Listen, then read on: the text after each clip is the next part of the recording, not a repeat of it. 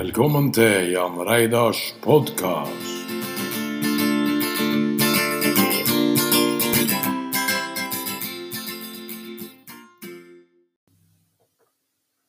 Hei og velkommen til podkast tredje juledag fra Voksdalen. Eh, Vi er kommet til tredje juledag, og eh, julefeiringa i bygda er godt i gang. Og jeg syns det var på sin plass å, å kunne ha det hjemme eh, på, til en spesiell anledning. Og i den forbindelse så har jeg fått med meg tre eh, bygdegutter, hvis jeg kan bruke det uttrykket med meg her i kveld. Og vi kan jo starte fra en kant her. Harald Westøl er født og oppvokst på Vestøl i Veggosdalen. Drev de fleste åra i arbeid i skoleverket, og avslutta som 18 år som ordfører i Virkenes kommune. Så er det Ole Morten Vegusdal. Jeg kom som guttunge til Vegusdal eh, i 1968 og har vokst opp her. Har gått på skole her og var vekke noen år og flytta tilbake igjen eh, i 92. Og har bodd eh, på gården siden da. Jeg jobber med ulike former for sosialt arbeid. Og ønsker å bruke gården videre til selvutvikling og sånne ting. Så det er Oddvin Uldal. Og jeg kommer fra Herfoss, der jeg har stort sett bodd hele livet. Noen få gjesteopptredener i Kristiansand og Arendal, men nå har jeg vært mesteparten av, av yrkeslivet i Birkenes kommune. Og jobber nå som kirketjener på Herfoss.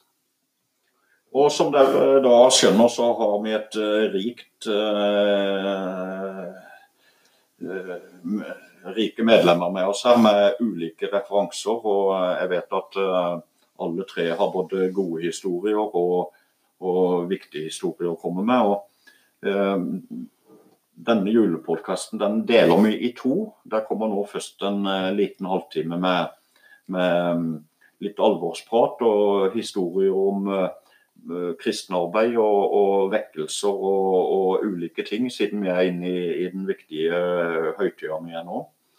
Eh, Den andre delen som vi kommer tilbake til, da, da skal vi løsne litt på slipsknuten. Og så, og så skal vi ha det litt skjemt og, og, og komme med noen røverhistorier her. Her er folk rundt bordet som, som har nok av de. Eh, Men eh, da har jeg lyst til å begynne litt fra, fra starten av. Eh, jeg snakker om vekkelser. altså Og tidlig på 1900-tallet, eh, Harald Westøl, du som kan mye om gamle dager. Kan du si litt om den første vekkelsen vi hadde her i, her i bygda?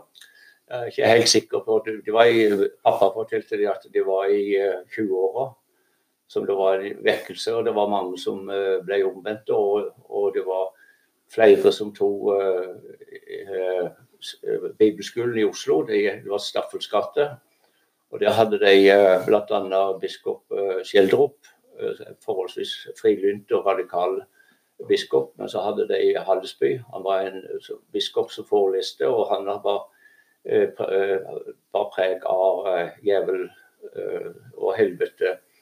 Og eh, hadde i grunnen eh, veldig innflytelse på en tunge kristen innflytelse. Eh, Da må jeg spørre, Harald, eh, litt interessant. Var, det med på å splitte bygdefolket, eller uh, generasjoner og sånt, noe i og med at eh, du hadde to, to uh, biskoper som hadde, var litt ytterliggående på hver sin side? Var, var det med på å splitte bygdefolket i den tida? Nei, i grunnen ikke. Jeg hadde inntrykk av at de fleste heller til Hallesby.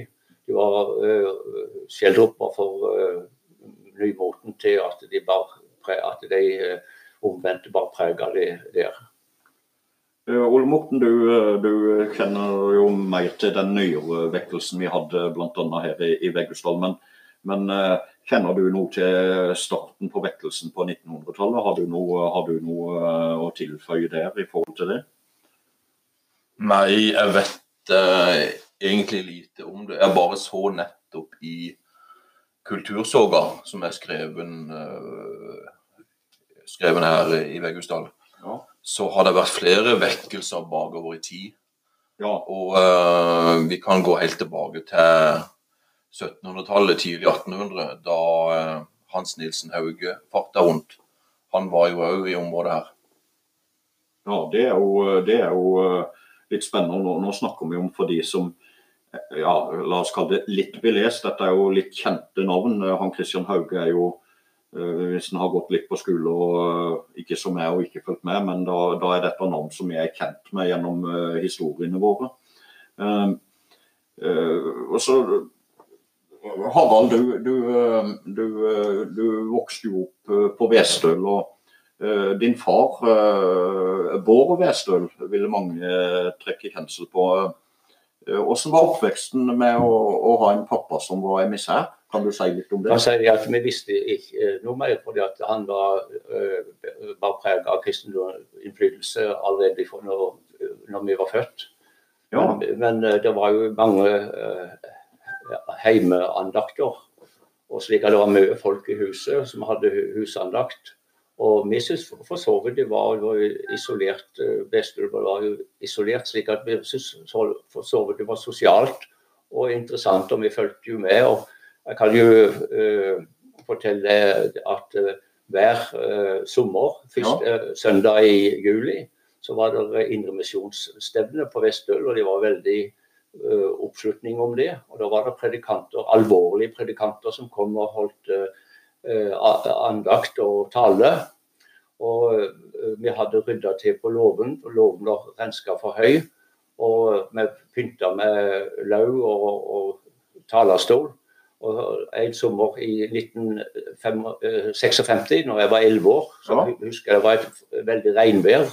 Og vi, og vi hadde eh, talen på, på Løa, og det dundra eh, noe veldig på tåka. Og han, eh, predikanten han heter Våla, han kom fra Søgne. Og han var en skikkelig alvorlig mann. Og så avslutta han med å si at nå skal vi synge den vakre sangen. Eh, en fattig stakkar synder lå på jord, for skremt og sammen kroppen. Ola Forhold, stemmer i. ja, du vet. Det, det, det er fantastisk å, å høre sånn om historien. Men, men hva, hva, som du, du var 11 år, var det sånn, ble du skremt noen ganger, eller var, det, var, var du vant med det? Eh, Det var tøffe predikanter i den tida. Det, det var ikke nåde der. Du kan si det at uh, En fikk jo uh, inn med teskje på skolen òg, for læreren vår var jo så eh, veldig uh, tru tjener i Herrens vingård.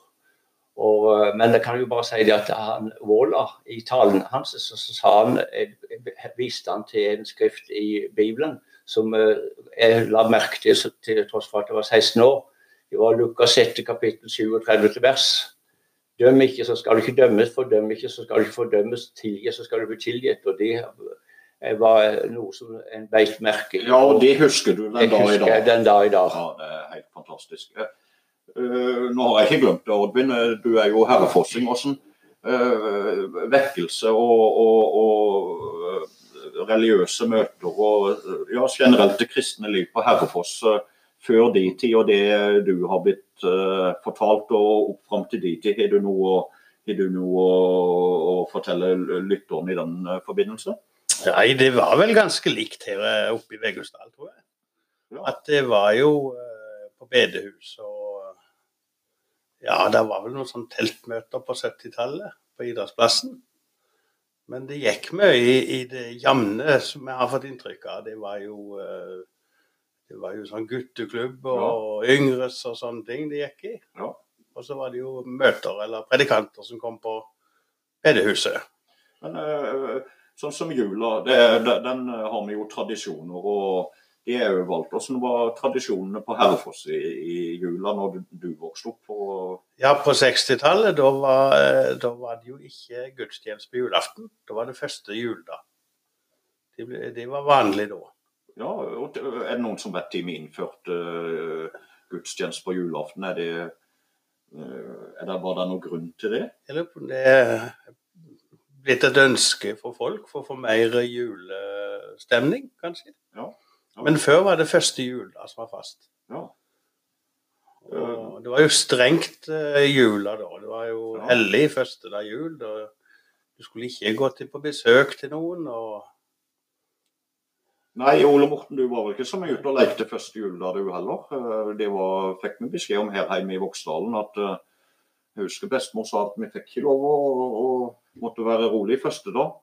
Ja, nei, altså, du kan si Jeg har jo ikke noe oppvekst i noe kristent hjem. Ehm, så det var under denne her eh, berømmelige vekkelsen i 79 kom at uh, mine foreldre ble kristne. Og uh, min far var jo oppvokst i Kristiansand, og det var jo mamma òg. pappa hadde studert markedsføring i Leeds og bodde i et internasjonalt fellesskap der på hybel. Og kom og overta gården her i Veghusdal. Og jeg tror ikke det var bedehusmiljøet som var det som fenga han mest i starten. Kan man skjønne. Men når, når da den vekkelsen kom, eh, så skjedde det jo noe eh, ganske kjapt med, med pappa, da. Og han ble jo kristen i vekkelsen. Og da fortalte han meg det, jeg kan nevne det siden Harald er her, at Bård Westøl, far til Harald, som var emissær, hadde jo en framtoning som en emissær, sånn som vi litt sånn karikert kan tenke på en emissær. Eh, og den kvelden min far ble kristen og knelte ved alteret i kirka på Engesland, så lå Bård der ved siden av han på kne. Og han sa at den kvelden der, altså i det øyeblikket, så merka han en sånn slags eh, ny indre fred og glede. Eh, og òg i relasjonen til bl.a. Eh, Bård. Eh, og Bård ble jo da en stor inspirator, og nesten vil jeg si lærer for mine foreldre den første tida. Han hadde en enorm kunnskap. Så det er en kan, Det er lett å karikere det konservative og pietistiske, men det var noe mer genuint og ekte og spennende han sa. Men, men og, Utrolig spennende å høre, Ole Morten. Men Harald, nå, nå nevner han din far, som har gått bort for noen år tilbake. Men ble han mer liberal på sine gamle dager, eller forandra han sitt syn på ting? Eller hvordan opplevde du han det? utvikla seg i takt med tida. Ja. Men du kan si at vi hadde jo en veldig kunnskapsrik far. Han var be veldig belest. Han var i grunnen ikke egnet til å være bonde, men han var eldstemanns odelsgutten og måtte påta seg det. Men han var egentlig en akademiker og veldig belest. Det er jo en ryggsekk å ta med seg eh, på mange måter. eh, På, på, på flere felt. Men eh, så har vi jo altså på 60-tallet eh, før Nå har vi jo en fra Herfoss her, og det var jo egen kommune. det var Vegesdal var egen kommune. Mykland var jo egen kommune. Ibland er jo fortsatt egen kommune. Men i 66 så, så skjedde det jo en stor endring for samfunnet vårt lokalt her. Og, og da ble jo eh, kommunene slått sammen. Men eh, før den tid så har jeg forstått, eh, Oddvin, at eh, vi hadde felles prest her i bygda. Og eh, Fortell litt om det, og, han bodde hen, og hvilket virke han hadde for, eh, for eh, både Mykland, Veggusdal og Herrefoss. Ja, for eh, det var, de tre kommunene hadde, eller sogna hadde felles prest, og han var bosatt i Herfoss. Der ble bygd prestegård. Og ja, det var jo flere prester, da. De kom jo nesten på rekke og rad, hvis du går inn i bygdeboka og ser. Uh, og det var jo det Det har jeg hørt jeg prate om i Vegusdal. At, det, at eh, spesielt han kollegaen min, han Ditlef Tveit, han sier vi måtte klare oss sjøl i Vegusdal, for dere hadde jo presten. Så, så hans, presten sto jo for de som var med menighetsarbeid og alt i Herrefoss. Men, men jeg bare tenk på sånn som høytida med jul nå. nå. Nå har vi jo flere eh, prester og, og, og, og sånt. Men eh, du nevnte det at da var julegudstjenesten var første dag. Hva gjorde du da med én prest i bygda og, og tre, eh, tre eh, kirker? Det akkurat hvordan de løste det med en prest, det, det er jeg ikke sikker på. Eh, og jeg husker jo Ingman, så vidt det Ellingsen. Han var jo der fram til 69, jo var det det. Så overtok en som heter Johan Tofte, det var den siste. Eh, og det jeg husker så godt med han, han hadde så fine biler. Han var helt bilgal. ja, ja. Så når han kom, det var den første Volvo 164, den sto i, prest, den sto i prestegården. ja. Og det han sa at jeg har tre kirker jeg må passe på, så jeg må ha en skikkelig rå bil, sa han. og det, er det han holdt seg med fine biler. Husker du eh, dette? Ja, selvfølgelig husker du dette, Harald. Men eh, eh, husker du prestene opp igjennom og, og, og de sitt virke? og Hvilken forskjell har det vært på prestene opp igjennom? Altså, du har de radikale, du har de konservative. og Har det vært noen prester som har utmerka seg, eller ikke utmerka seg, men uh, har vært en spesiell karakter? Jeg kan minnes presten Mesel fordi at han spilte fele og tillot seg å gjøre det på bedehuset. Og det var egentlig i utgangspunktet synd, men når presten gjorde det, så gikk det an. Ja, det måtte jo være Iallfall når du kommer opp i bygdene her hvor, hvor uh, tradisjonene var sterke og troen var sterk, så måtte jo det være litt uh, originalt at en prest skulle spille fele. Og så Mesel han søkte for meg, Jeg var 13 år når jeg gikk ut av folkeskolen. Så søkte han for meg at jeg skulle bli konfirmert, så du måtte være 14 år. For jeg trodde jeg kunne reise på sjøen Og jeg var øh, konfirmert. Og han søkte til biskop Smimo og uh, fikk tillatelse. Jeg ble konfirmert og fikk ikke lov til å reise før jeg var 15 år allikevel. Så Derfor minnes det Mesel, som gjorde den, den greia. Uh, kan jo spørre Ole eller, eh, eller Oddvin her. Er det noen prester dere husker spesielt godt eh, gjennom deres tid, eh, eh, som dere har bitt dere merke i? Jeg husker jo så jeg har med mer sånn vag oppfatning av prestene. Jeg har aldri vært en eh, veldig aktiv kirkegjenger. Eh, og eh, i forhold til vår historie, da, så må jeg jo bare si at jeg er glad for at kirka får mindre makt. Altså i form av at den De har hatt altfor mye makt opp igjennom i forhold til eh, hvordan, hva folk skulle tenke mene og tro. Eh, nå er det mer balanse. Eh, Vi har fått eh, en demokratisk, folkestyrt kirke og eh, et sunnere miljø. Og, og Nå blir jo vi litt inhabile her, Oddvin, for både meg og deg sitter jo i menighetsrådet. Du sitter i Herrefoss, jeg sitter i Veggustad. Men, men jeg har en liksom sånn en, en, en, om ikke god følelse, men en, følelse at kirka har blitt mer åpen. og er villig, altså Vi har jo hatt debatten om homofili, vi har hatt debatten om kvinnelige prester.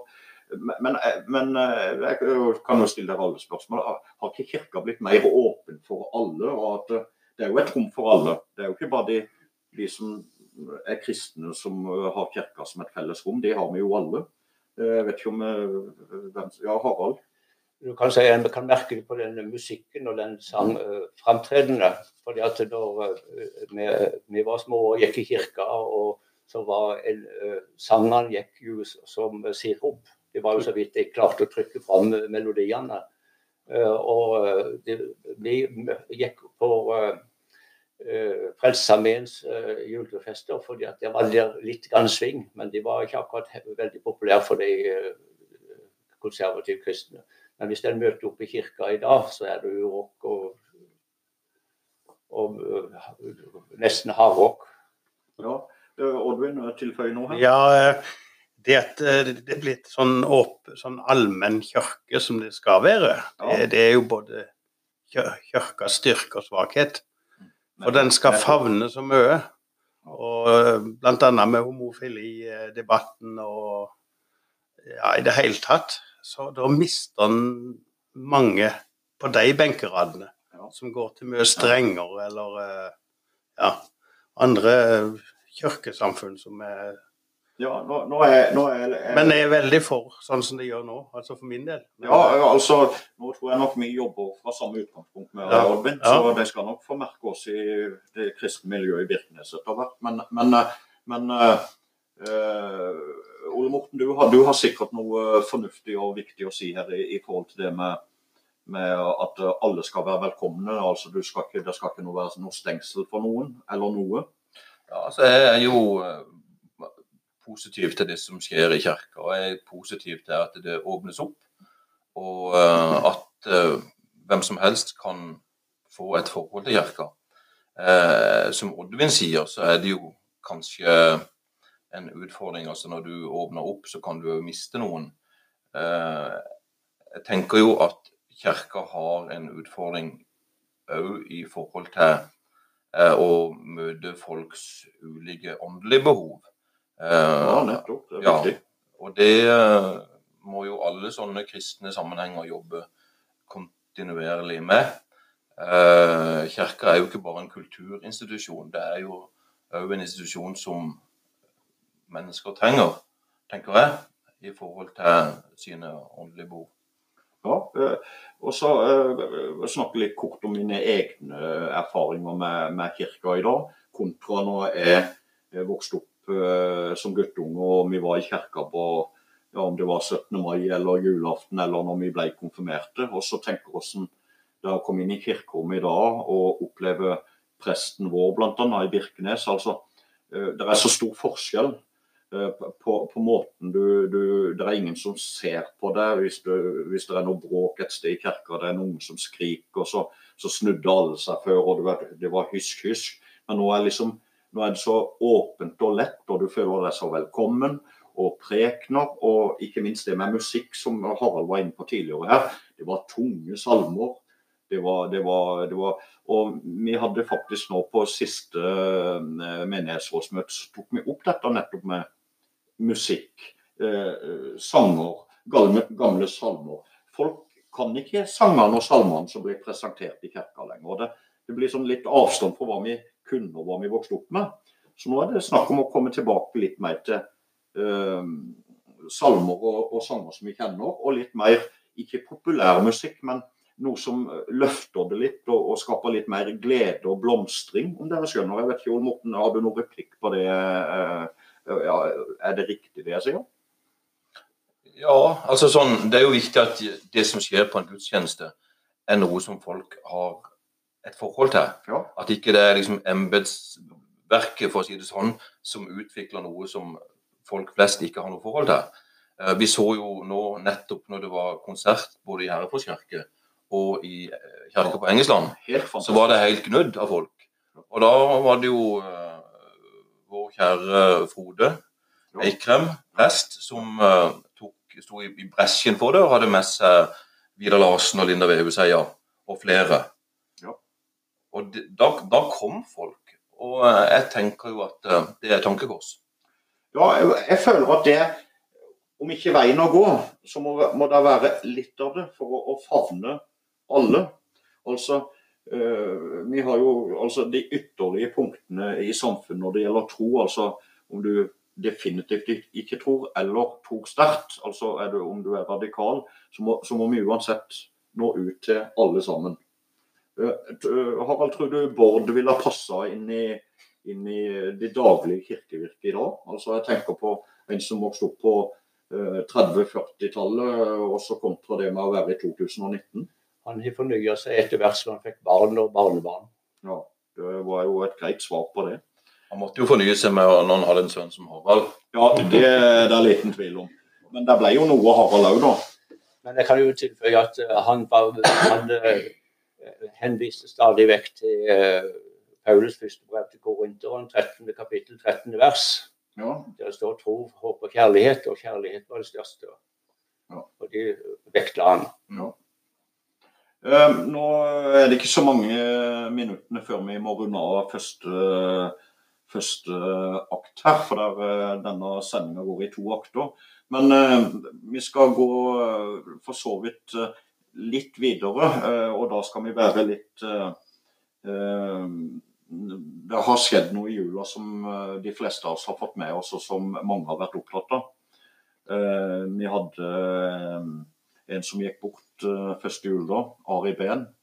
Og eh, eh, jeg tenkte vi skulle prate litt om, ikke så mye om Ari Behn, men, eh, men litt om det med selvmordsrate og eh, hvordan eh, samfunnet og politikerne våre prioriterer. Eh, Ole Morten, hva syns du om at, eh, at her må, her må mm, helsevesenet slåss om kronene? Mens vi ser at de har en eh, fregatt til to milliarder som er ubrukelig liggende til kai. Altså to ytterligere punkter, men eh, si litt om det. Det var jo et uh, veldig alvorlig tema på, uh, her som du, du, bringer inn. Men uh, det er klart at når det går så langt som det vi har fått høre nå i forhold til Ari Behn som tok sitt eget liv, så er det jo statistikk knytta opp mot det med selvmord i Norge, der, det er 500-600 personer som tar livet sitt hvert år. I tillegg så er det registrert selvmordsforsøk i, som helsevesenet fanger opp, på 4000-6000 tilfeller. Og, og, eh, de som da kan noe om dette, sier at omtrent halvparten av oss har i ulike faser i livet sneia innom tanken på det som en mulighet. Og da, Du er en gammel politiker, har vært ordfører i 18 år, Harald prioriteringer av de store politikerne og, og, og, og regjeringa vår Er noen ganger du føler den blir skjevt fordelt i forhold til samfunnet og dens utfordringer? Ja, det er selvfølgelig de, men det, det, er jo så mange hensyn å tas. Og det er klart at det er jo de som er eh, sterkest meninger, de vinner fram. Og mange ganger så er jo de eh, svake i samfunnet de har ikke de uh, talspersonene som uh, vekter nok. Så det er nok mange ganger en er overgitt over at ikke det blir prioritert mer til en gruppe som er den stille gruppa. Men er det da noe feil med det politiske systemet i Norge, da? Og nå, nå, er klart, nå vandrer vi litt fra tema til tema her, men det, det handler jo egentlig om det samme. Ole Morten? Altså, alt som handler om psykiatri, eh, det er jo de, de stille stemmene som Harald snakker om. Og vi har nok etterslep i forhold til det som går på psykiatri. Eh, jeg skrev et lite innlegg på Facebook nå nettopp om dette temaet og fikk ganske mye respons, og òg en del sånn personlig respons. Og det viser seg jo at uh, her er det, det er et skyggelandskap som er vanskelig å få oversikt over. Uh, og det er mange som sliter. Kanskje spesielt når det er jul, sånn som nå. At det blir uh, ensomt, og idealene er høye. Det skal være koselig, så er det kanskje ikke alltid så koselig. Så er det vanskelige relasjoner i familier, og så har en problemer sjøl. Og den stillheten og såkalte julefreden kan gjerne føre til at de der, det en sliter med, blir bare enda tydeligere. Men er det ikke derfor viktig å gå at når eh, slike tragiske hendelser som vi hadde nå første juletår. At vi, eh, da, blir det, da våkner folk, og så, og, og så forsvinner, eh, forsvinner, det etter noen dager eller noen uker. Så, så er tanken om det borte, og og det er glemt. Men, men, må vi ikke bli altså Det er jo en fæl måte å bli minnet på det. Men, men det er da vi hører om hjelpetelefoner for menn og andre ellers i samfunnet. Men hvorfor står ikke politikerne, eller enkelte politikere, på, på barrikadene? For dette er så viktig for samfunnet, og psykiatri generelt er jo viktig for samfunnet. Ja, det er det, men hva kan politikere gjøre? Altså, det er noe med hele samfunnet vårt som er i endring. Jeg hører bare sånn som lokalt hos oss her i Veggusdalen, så har det med besøksvaner til hverandre endra seg. Vi dropper ikke lenger innom hos hverandre, bare tar en kaffe. Det er mer uh, Dørstokken er høyere. Ja, men det har jo, det Besøk må Internettida har jo inn. Ja, men det er akkurat som de der små nettverkene. Det å sitte sammen, kjase og prate og snakke og, om, om, om, likt og ulikt, sorg og glede, det er noe med det menneskelige, med livet vårt. Og Hvis vi mister det, så mister vi gull. Ja, du har helt rett, Ole Morten. Men eh, Eh, tida nærmer seg for at vi må avrunde. Eh, nå eh, har vi hatt en eh, liten halvtime med litt alvorsprat, litt historie og eh, om det som har skjedd i jula. Men i neste bolk, eller i neste del av sendinga, da letter vi litt på slipsknuten, som sagt. Og da blir det litt mer humor. Og jeg vet at det sitter en del historier inne hos eh, gutta her. Så vi høres igjen. Hei, hei. Hei og velkommen til del to av denne julepodkasten fra, fra Voksdalen i Veggusdal. Etter å ha hatt litt mer eh, seriøst eh, eh, førprogram, så skal vi nå lete litt på snippen og så få litt historier fra både nyere og gamlere tid. Og litt diverse den neste halvtimen. Og vi, vi kan jo begynne litt fra litt eldre dager, Harald. Jeg har jo hørt rykter om både det ene og det andre på julebasarer og, og festligheter rundt forbi. Men du husker spesielt godt en julebasar på Fidjetun? Ja, I eh, 50- og 60-åra så var det alltid eh, mange tømmerhoggere som var på gårdene og, eh, og jobba. Og der var det en eh, som eh, bodde på en gård, og han eh, var innflytter. Og han eh, holdt et blad som heter Magasinet for alle. Og det var ikke så veldig populært blant eh, bøndene, men eh, han holdt det. Og der var det en tegneserie som heter Jens von Bus- Bustenskjold. Og en tegnefigur som heter Plassbøkallen. Og han var lang og tynn og fleinskalla og ligna på min far. Og så eh, gikk det rykter, om eh, at eh, det var et morsomt blad, og jeg fikk låne det av han Tommehoggeren. Og satt og las i det i stua. Og min far kom inn i stua og så at det var et fremmedblad, og så gikk han hen og sa hva er det for slags blad? Så tok han det. Og så blakka han opp, og der var det en Hadde Karl Evang, som var eh, helsedirektør i, i Norge den gangen, han hadde seksualopplysninger, og de var ikke akkurat eh, Oi, oi, oi. oi. de var eh, litt eh, på kanten. Men så blakka han videre, og så eh, var det en reklame for Blenda. Og der sto det at Vår Herre han trodde at englene var det hviteste inntil han så noen smådjevler som var vaska i Blenda. Og da havna bladet i ovnen. Og Tømmerhoggerne spurte etter de bladene. Og der sa de at far hevde i ovnen, og det var ikke mye populært. Han mulla litt sinna inni seg.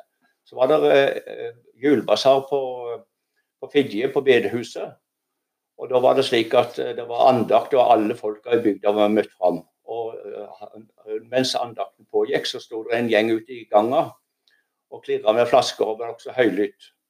Og det irriterte min far, og han gikk, åpna døra, og der sto han til morgenen, nokså påseila. Og min far sa hysj, nå må dere være stille. Og dermed slo tømmerhoggeren seg på hælene og så sa Ve, ve, ve, du ser bedehuset fra luften, din plass, hva kaller du er? og da lo hele bedehuset.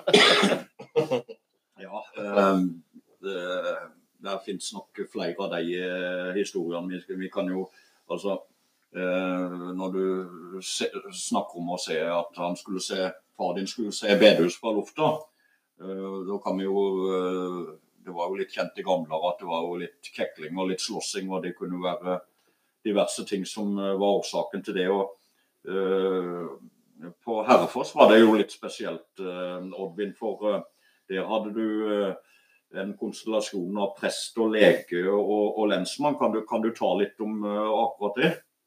Ja, det var, det var jo fester på, på lokalet på Furuheim, Ja. som det heter. Og det er ikke så langt ifra kirkegården. Prestegården, mener jeg. Og der, eh, der slåss det jo til lyse morgen. Når det er riktig to, to av gårde. De slåss, eh, de fortalte, de slåss ned bakken, og så ned, ned til hagene der som jeg bor. Og inn i gjødselkjelleren. Og der eh, da, da var det han eh, oldefar til kona mi, for vi bor der nå, han som bygde det. Så han sa 'tenn lyset så guttene kan se oss slåss', sa han. Og det var en som var så feig, for han turte ikke inn og slåss sjøl, så han bandt ei sinkbøtte på ei raunstong som han stakk inn i gjødselkjelleren. Så kunne han stå på utsida og slå. Men det gikk jo, det var jo så blod rant av og til, vet du, det var spreke karer. så da de var nok temmelig på drua òg, de Men det var jo lege i prestegården, for hun eh, fru Var det Mesel? Hansten. Hansten, fru Hansten, ja. Hun var lege. Så de la seg til på tunet der på morgensida eh, og venta til hun våkna. Og så kunne hun ut og lappe dem sammen og sy der på, på tunet ved kirke prestegården. Så da fikk de vel noen eh, De fikk vel noen ord med på veien av Hansten sjøl òg, tenker jeg. Kan du, det kan du vite. Men de var altså eh, Kirka oss her, og liksom hele bredda av folket der. prest og prestefrue. De, de, hun lappa de sammen da han formante. Ja, det, er jo, eh, det er jo fantastisk å høre eh, sånn noen Man tenker seg hvordan det er i dag og hvordan det var før, så er det litt spesielle, spesielle Eller flere forandringer i, i samfunnet. og uh, snakker om slåssing. Um, vi hadde vel noen sterke karer òg i bygdene her, i indrefileten vår. Uh, hvis jeg sier uh, Kittel Breisåsen, Ole Morten, uh, hva kan du tilføre da? Nei, Det jeg har hørt eh, om han, han bodde jo i Breisåsen, det var at han var veldig sterk. Og at han var så sterk at han kunne heise seg opp i bjelken og gå i bjelken bare med å klemme seg fast med hendene. Eh, det er nesten så jeg ikke tror det, men, eh, men det har jeg hørt. Han skal vel ha hatt noen ganske sterke never for å klare det. Han eh, Men så, hørt, så har jeg jo blitt fortalt at når han han, han hadde ei kone som ble syk. Og de tenkte at det nærma seg det siste. Og kista ble gjort klar, og de tenkte at nå var det over. Men, uh, men så kvikna hun til igjen, og hun fikk leve ei god stund til. Jeg vet ikke hvor lenge. Fram til hun igjen ble dårlig, og livet ebba ut. Og det var slutt. Og når hun ble da lagt i kista, og lokket ble lagt på, så kommer det fra Kittel Dere må spikre godt. Ja, vi, eh, vi tillater eh, mye her. og Det er sånne noen historier som eh, vi, vi liker å høre. eh, Apropos vi snakker om sterke folk her. eh, Anders Støa, er det noen som, noen som husker igjen det navnet? Ja, det, det var jo en som holdt til Ja, han var jo rundt på anlegg, veianlegg, og var noen år på Herrefoss. Og han var vel egentlig herrefossing. Og han, han eh, kunne altså rette hestesko med nevene. Ja, det er helt utrolig. Og han, eh, han var jo med i Murøy-gjengen når de bygde vei som brukar. Og det spetta bare med én neve av gangen, for ellers så bøyde han spetta. Så han var en av de der skikkelig røsende som eh, eh, Og det var han de sendte av gårde for å hente lønningene til arbeidsfolka. Ja, det skjønner jeg jo. For ingen turte ta han. Det var en som prøvde på en dansefest på Herfoss, og uh, som skulle ta han der. Det, han drukket seg til mot. Han her renste ingenting. Nei. Men han prøvde å unngå bråk, sa de. Han var så veldig rolig. Men da tok han han og en til jypling og så ut gjennom døra. Så var det ikke bare døra som gikk ut, men dørkarmen fulgte med. Så, så, og da sa han som var lensmann der, han Vangsnes, gamle Vangsnes, det var greit, sa han, å slippe mer sjau med deg. da var de samme døra på utsida. Vi, vi, vet jo at uh, Sørlandsbanen har jo egentlig betydd mye for uh, egentlig hele bygdesamfunnet, og vi kan strekke det langt òg. og med, med utbygging av Sørlandsbanen så, så fulgte jo nye mennesker til bygda, og, og en del vaner og uvaner. og uh, Det var jo uh, kjent for både litt slåssing på bygdefestene og uh, det er vel noen pokersteiner òg rundt i bygdene her. Jeg vet ikke om det er noen av dere som, eh, som eh, kjenner til det med, med poker, Harald. Det var Nei, Jeg hørte jo det at det var noe spesielt på gårdene at eh, når tømmeroppgjøret kom og tø- tømmerhoggerne og tømmerkjørerne fikk lønning, så var det profesjonelle pokerspillere som kom med sprit og, før de reiste hjem og, og spilte, profesjonelle pokerspillere, Ja, ja. altså. som uh, spilte de uh, av lønninga deres. Ja, det er nesten eh, helt utrolig. Um, Men, men eh, jeg tenker på sånn eh, generelt på det med historiefortelling, så var jo det hørte til på sett og vis den gamle tida. Og da tenker jeg før TV-en kom. Ja. Vi fikk TV i 1968 hos oss. En svart-hvitt-TV som uh, rulla og flimra, og vi måtte riste snø av antennene. Det var egentlig et mareritt, traumatisk TV-opplevelse i barndommen. Men når en hører fortellinger fra åssen ting var før TV-en kom, Ja. så var det mye mer fokus på det som hadde vært, Altså Kveldsunderholdninga var å fortelle hverandre historier om det som hadde skjedd. Ja. Og de som var gått bort, hadde mye mer fokus òg enn det som de har i dag. I dag folk, blir folk mer glemt. Det vi snakker om nå, er TV-programmer Ja. som ruller og går. Forskjellige serier og stort sett. Så øh, Men øh, enkelte, enkelte gode historier og fortellinger forteller er det jo fortsatt. Frode Velne, en god venn, han, han er jo et oppkomme av historier. Ja, det har jeg sjøl erfart. Frode har mye artige ting. og Harald, du vil, du vil ha Vi var inne på det liksom å skryte og, og, og at folk skrytte skryter på, på, ifra den plassen de kom ifra. Ja, ja. Og eh, det fortelles at på eh, Dølmomarkedet så var det tre eh, karer som var samla. Det var en fra Veggosdal, og en fra eh, Mykland og en fra Gjerstad. Oi, oi. De eh, sa- satt og skjenka seg. Og så begynte de å skryte av kjerringene sine. Og han fra Veggosdal skrytte at kjerringa var så innmari god til å springe. Så sprang 100 meter på 17 blank. Så var han fra uh, Mykland sa at uh, kjerringa mi hun er sprek. Hun hopper tre meter i lengde. Men da sa Gjerstølen at kjerringa mi hun er sprek. I elgjakta hadde hun et sidesprang, og jeg plager det ikke kom igjen ennå.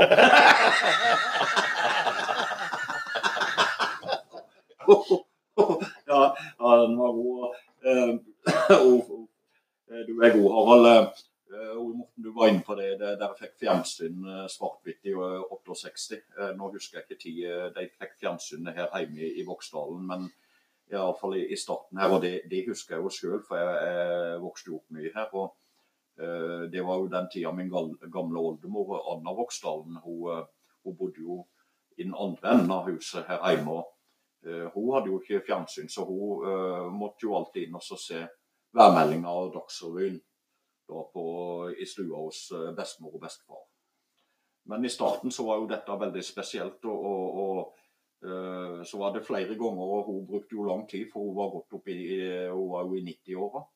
Så hun stabba oss inn med stokk og inn i den andre enden av huset og fikk satt seg til foran fjernsynet der. Og, og da, da kunne ofte bestefar si det at eh, Nei, kjære min tid, mamma. Åssen er det du ser ut nå og, og skal uh, tregde seg nå på, på TV når han ser du sitter der i den fæle, fæle kjolen din uh, der.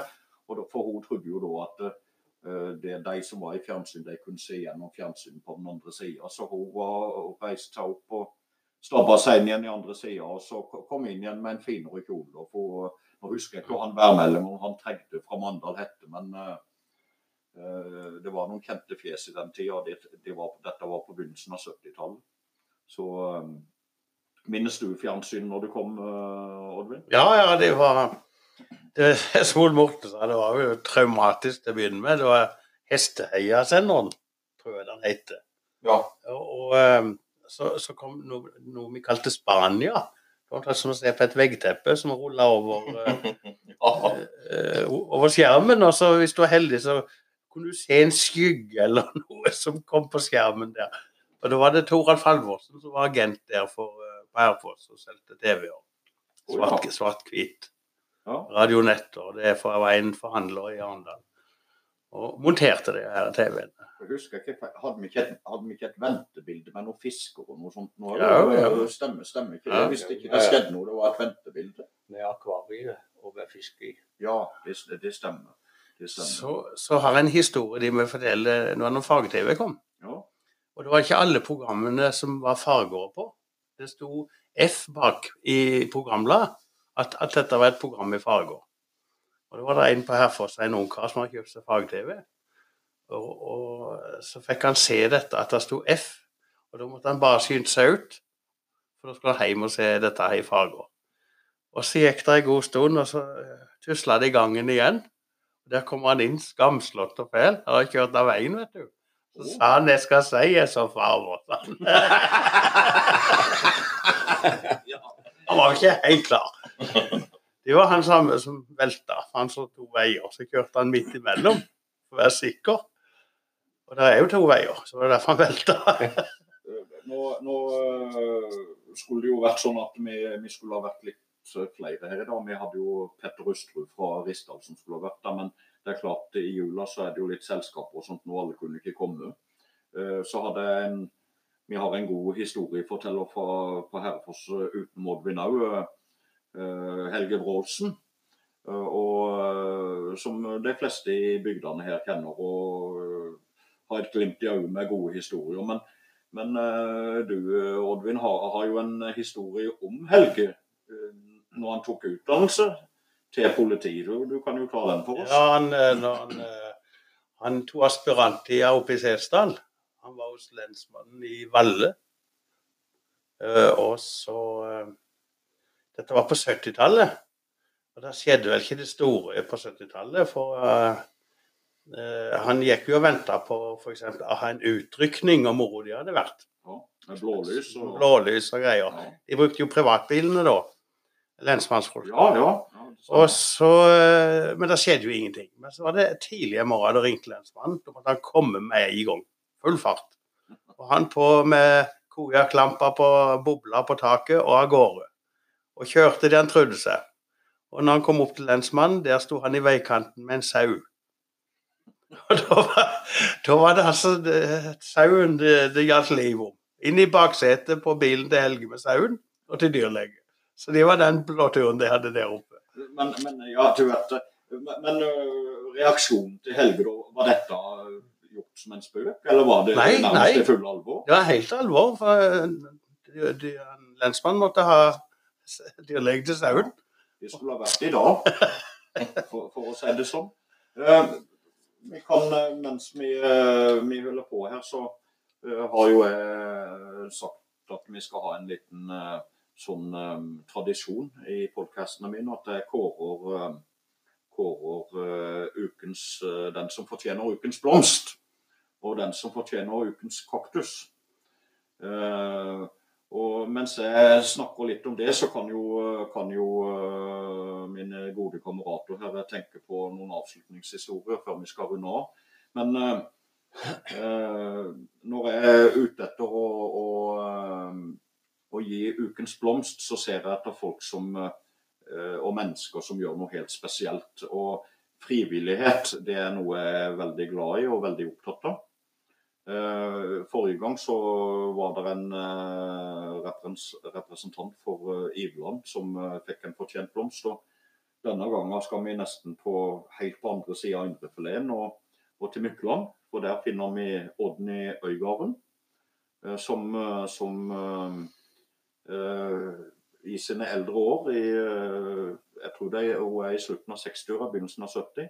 Hun, hun, og mannen de reiser altså til, til Grimstad en gang i veka, og så jobber frivillig på, på en uh, bruktbutikk i, um, i, byen der nede på, på Sørlandskysten.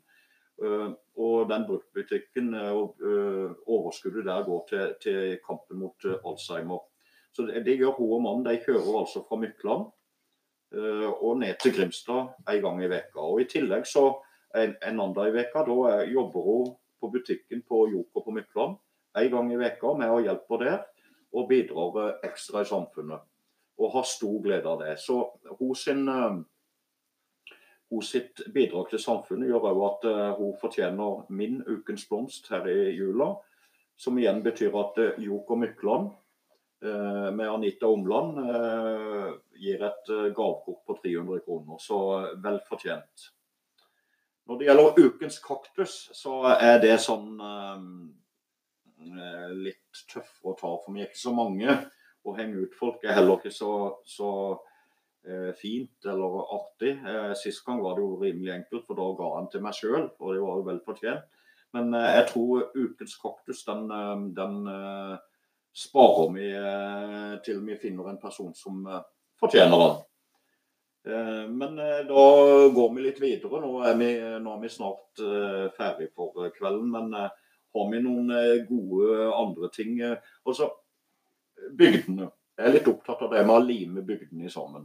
Altså Mykland og Herrefoss, Iveland og Veggusdal. Jeg ser ikke kommunegrensene, jeg ser bare menneskene og fellesskapet og samfunnet er vi flinke der til å, til å, bruke hverandre over kommunegrensene, eller, eller sperrer det oss litt i forhold til det at vi har uh, idrettslag i, i, den kommunen og 4H i den kommunen. Begrenser det oss, Ole Morten? Du må ikke spørre en, eh, en, en ekspolitiker om det. Uh, Jo, det er jo nettopp kanskje derfor jeg spør det. Uh, Jeg, jeg, jeg tenker vel som så altså Det er jo da denne kommunereformen jeg sikter til. Jeg, jeg tenker vel som så at vi hadde hatt mye å tjene på i Innlandet og, eh, og eh, fjerna litt mer av de grensene som er mellom oss. For vi er såpass få med ensarta utfordringer. Og eh, vi hadde stått sterkere, tenker jeg, om vi hadde samla oss mer. Men bare sånn som denne podkasten er en form for lim mellom oss. Eh, og jeg tenker at det er kjempepositivt. Og kan vi få til enda mer eh, å være litt kreative, som kan skape lim mellom disse små bygdene, så vinner vi alle på det. Og eh, der har du en viktig rolle å spille, Jan Eidar. Ja, det er jeg jo for så vidt klar over, og jeg gjør det jo ikke bare frivillig, men jeg gjør det jo med glede, for det er jo dette jeg liker. Jeg liker mennesker. Jeg liker jo å stikke hodet litt fram òg, ellers så kunne jeg jo aldri ha øh, sittet her. Men, men øh, jeg tenker, jeg har en sånn følelse at øh, det er i ferd med å skje noe. Altså, vi har en Vår generasjon er i ferd med å ta tak i litt. Jeg vet jo det skjer jo litt nå, eh, både på musikkfront. altså Jeg vet aktiviteten hos du, og Morten, du begynner å sette i gang ting. Eh, Så jeg har en følelse at det er litt ting i endring. For kan det være riktig at vi har vært inne i et par-tre tiår hvor vi har ligget litt nede, sånn kulturmessig? Altså, Vi hadde jo revyer i gamle dager. Jeg har spilt revy på Mykland, og det var Mykland og Herrefoss var jo nesten i ett. Og nå, nå ser jeg bort fra de politiske grensene med kommuner osv. Nå ser jeg på kultur, øh, folkefellesskapet, øh, på alle plan. Eh, du, husker jo, du husker jo revyene. Dere hadde jo revy på, på Herrefoss òg, og hva dere kalte den? Ja, ja, Ringreven. Ringreven, ja. Det var jo mange år, det, at en holdt på med den. 20-25 Ja. 25 år. Jeg vet ikke om jeg er enig, jeg er ikke enig Jan Reidar, i at eh, det har ligget nede. Uh, husk, du har bodd vekke noen år. Ja, ja. Det er kanskje der jeg tar litt feil. Og, og jeg syns det er utrolig hva som blir skapt, til tross for at det bor ganske få folk. Eh, Det er kanskje sånn et problem at det er mange som må bære mye eh, av de som er mest ildsjeler. Men, eh, men kanskje hadde vi vunnet mer på å hatt enda flere sånne felles arrangementer på, på tvers av grensene. At Vegusdal Herrefoss kan gjøre noe mer sammen. At Mykland Vegusdal kan gjøre noe sammen. Jeg vet ikke. Ja, jeg, jeg er litt opptatt av det, òg. jeg må kanskje unnskylde litt her. Jeg, som sagt, det, det er jo ikke så mange år siden jeg kom tilbake til bygda, og har ikke fulgt sånn med. Um, Men, det er jo kanskje der, men derfor registrerer jeg nå at det der er i ferd med å skje litt engasjement rundt forbi. Mm. Uh, uh, og jeg, uh, jeg syns absolutt det er viktig at uh, vi, vi, vi bruker det fellesskapet vi har muligheten til, til å ha. Uh, som et eksempel. Nå er vi litt bak til bedehuset og det igjen, men det er jo ikke lenge siden vi hadde Ole Morten, du inviterte nesten på sparket. En mandag, husker jeg. Da inviterte du eh, til samling på bedehuset på Engesland eh, på mandag. Eh, og der skulle guttene lage mat til damene, for det har jo alltid vært damene som lager mat til både barn og, og, og og oss menn. Men der satte du i gang et prosjekt på mandag. Samling på bedehuset med, med, med mat. Og torsdag kom, og bedehuset var stappfullt. Og jeg, da hadde ikke jeg vært på, på Engesland bedehus på, på 30 år. Så da ble jeg veldig imponert over det, eh, ikke, ikke minst tiltaket ditt. Men, eh, men eh, det nytter ikke med tiltak hvis ikke bygdefolket stiller opp, uansett om det er i kristent fellesskap eller i et annet samfunnslag. Så, så vi ser jo mye personer og tiltak kan, eh, kan eh, tilfelle. Nå har, vi, nå har jeg nevnt Ole Morten er en ressursperson her i Veggestad. På Herrefoss eh, har vi noen navn du kunne nevnt der i forhold til å, å skape frihet eller, mulighet, eller folk som ønsker å lage noe til noe i bygda. Har du noen du, du vil Jeg må ta Grendelaget, eller Her- Ja. Herfoss Utvikling, som de kaller seg, Ja. med masse ildsjeler. De er kjempeflinke. Ja. Er det noen navn du kan eh, vil trekke for? Nå er det jo litt farlig å rangere nå, men det må vel kanskje være et navn som, eller, Ja, jeg som bør nevnes? kan trekke fram Han fikk Kulturblomsten i år i kommunen. Ja. Audun Rosersen. Ja. Eh, og du har eh, Cecilie Jordal, Tom Johnsen, Kristen Butikk, som jeg kaller fremdeles. fremdeles. Ja. Og ja, det er mange. Det er farlig å begynne å nevne navn her, for en glemmer jo alltid. Ja. Så det, det Og ikke minst Frode Prest. Ja. Eh, Som- han er jo eh, i min eh, verden og min oppfatning en, på en måte, han, han er ikke blitt en institusjon, men han er blitt en folkekjær mann. Uh, ikke bare en prest for oss, men han, han, er, han, er, han er i mine øyne fantastisk. Og han er godt likt av alle.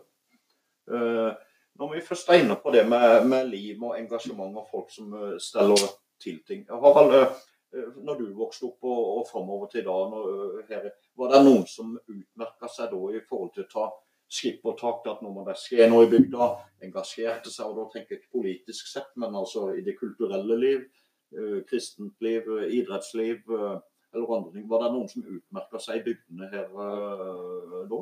Du hadde jo eh, en som fikk eh, kongens fortjenestemedalje. Det var jo Jens Velne. Ja. Han må jo nevnes i Mm. bygda. ja. Og du kan si, eh, Jeg kjenner jo godt uh, til eh, Martin Rettholt, Einar Haugland og Ja, det var Jens Velne. Han var jo primusen i mange år. Jeg husker jo, altså, når vi er inne på Jens Velne, altså, vi sa at Frode Prest var en institusjon. På en måte så har Jens eh, blitt det for meg, for jeg hadde jo Jens som rektor. Og da var det ikke alltid vi elevene likte Jens så godt. Men det er klart når du blir eldre, når du får litt mer eh, omfang i synet ditt på, på ting, så uh, får du mer respekt. Og, og Jens har jo nå tenkt på alt han har stilt opp for Gry og eh, sporten, skisporten sin del. Så, så du har jo vært langrennsløper, Ole Morten. Nå er vel bare jeg den som har vært kretsmester av meg av det. Så du, du, har, har du blitt kretsmester, Ole Morten? Ja, da må du fortelle. To ganger? Ja, fortell. Nei, det, det er 30 kilo siden. Ja, det ser jeg. Det kan nesten Ole Morten, det ser jeg. Men uh, så du, jeg, jeg ble kretsmester på Iveland ved den åttekirka skolen. Den var nybygd i 76. Da lå jeg fem sekunder bak lederen og var sist startende. Og pappa løp med ødelagt rygg ned i jordene på Iveland og sekunderte meg, og jeg vant med tre sekunder. Og det var det eneste kretsmesterskapet jeg tok i ski før jeg gikk over til fotball. Så Men jeg tenker sånn eh, Dette med disse ildsjelene Det som imponerer meg, er jo de som holder på år etter år etter år uh, i, den samme, i den samme oppgaven. Uh, jeg tenker på på uh, f.eks. Linda Vegusdal Stølen, som har vært leder av IL Gry i mange år og skapt utrolig mye. Eh, Ja, jeg- jeg- så, så tenker jeg på Paul Setane, som, som lagde disse bygdebøkene våre. Kultursoga, Unni og Helene Setane. Eh, Et enormt arbeid som er gjort, som har betydning for generasjoner framover. Eh, Jeg snakka for øvrig med Linda Vegusdal Stølen i dag på telefonen for, som gjest kanskje over nyttår i, forhold til et idrettsprogram eller noe. Men da var hun litt usikker sjøl når jeg spurte hvor lenge hun hadde vært formann i Gry. Men eh, hun trodde det var to eller 23 år. Mm. Å sitte som leder av eh, idrettslaget i, i så lang tid, det er imponerende. Og med tanke på at åra før der igjen så satt hun i styret. Så hun var nesten 30 år i Gry. Og det er nyere tid, så vi, vi skal ikke Gry var kjent på 50-, 60- og 70-tallet, men uh, det er folk som arbeider den dag i dag. Men uh, da, kjære folkens, uh, ser at klokka går her. og Jeg må først takke gjestene mine som har vært der. Harald, Ole Morten og Oddvin. Så må jeg takke for sponsorene mine som har gjort at dette har vært mulig. Og så en, eh, ikke minst en siste takk til dere som eh, lytter på. Og neste podkast den eh, kommer over nyttår. Når får dere greie på, så følg med på Bygdeavisa sin side på Facebook. Ha en fortsatt god jul. Hei, hei.